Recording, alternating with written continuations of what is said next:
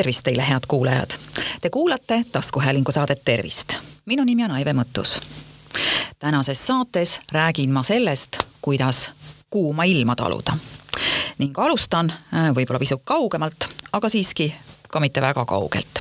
ja loen teile ette ühe küsimuse ja vastuse kahekümne üheksanda juuli Maalehes ilmunud intervjuust intervjueerijaks on ajakirjanik Eva-Lotta Kivi ning intervjueeritavaks Tartu Ülikooli loodusgeograafia klimatoloog Mati Sepp. ja küsimus selles intervjuus kõlab nii. ühtpidi on kuumad rannailmad ju mõnusad, tuleb lihtsalt veekogu lähedale hoida kui kuumalained aga väga pikalt kestavad, siis halvavad need mingis mõttes kogu elu. kui tõsiselt peaks Eesti äh, tuleviku kuumalaineteks valmistuma? Mida riik üldse teha saaks?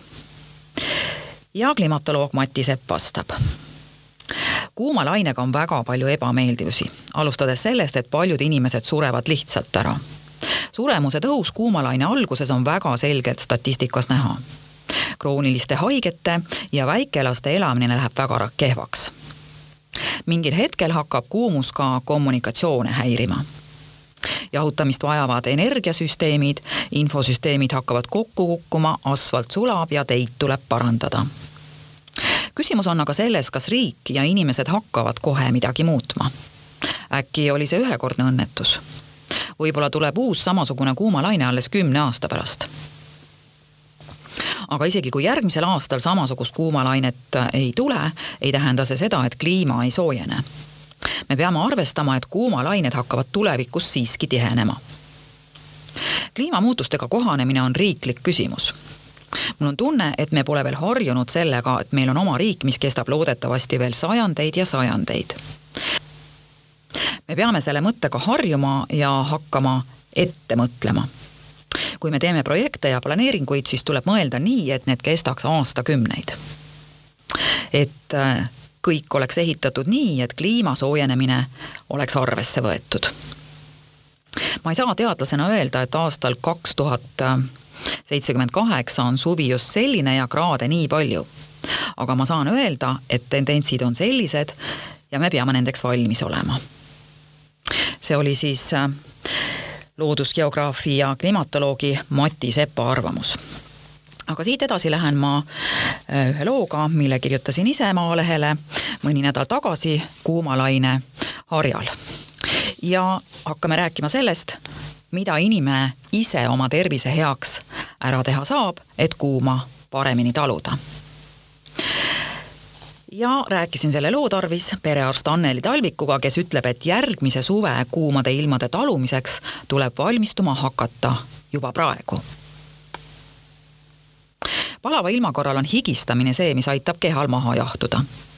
ega rohkem võimalusi polegi, selgitab inimorganismis toimuvaid protsesse perearst Anneli Talvik higistamine on kontrollile allumatu ellujäämiseks vajalik keha funktsioon ning mõttetegevuse jõul, et vot tahan ennast jahutada, inimene seda suurendada või vähendada ei saa kui õhutemperatuur tõuseb üle kolmekümne kraadi ja õhk on niiske, higi aurustumine kehapinnalt väheneb ning kuumuse talumine on palju raskem kui kuiva õhu korral efektiivse jahutamise uba aga peitub südames ja vereringes ehk hemodünaamikas. kas süda jaksab piisaval hulgal verd veresoontesse pumbata ning need vajadusel aheneda või laieneda higistamise juures on oluline, kas organismis on piisavalt vedelikku, mida naha kaudu ära anda ning kas kehal on higistamiseks piisavalt er-, energiat, et higi toota.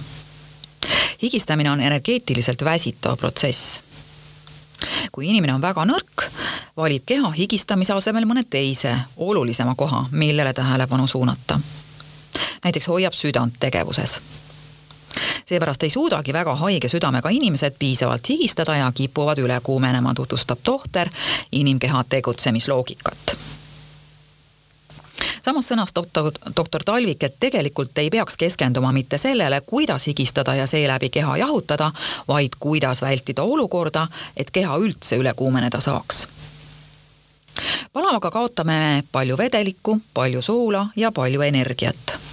seetõttu palavus väsitabki ülekuumenemise vältimiseks tuleks viibida varjus ja tuuletõmbuses ning järgida lõunamaade rahvaste, kes harjunud elama väga suures kuumuses kommet, juua vett mitte päev läbi kogu aeg, vaid piisavas koguses hommikul ja õhtul, kui ilm on pisut jahedam. päev läbi vee joomine ja higistamine kurnavad organismi liialt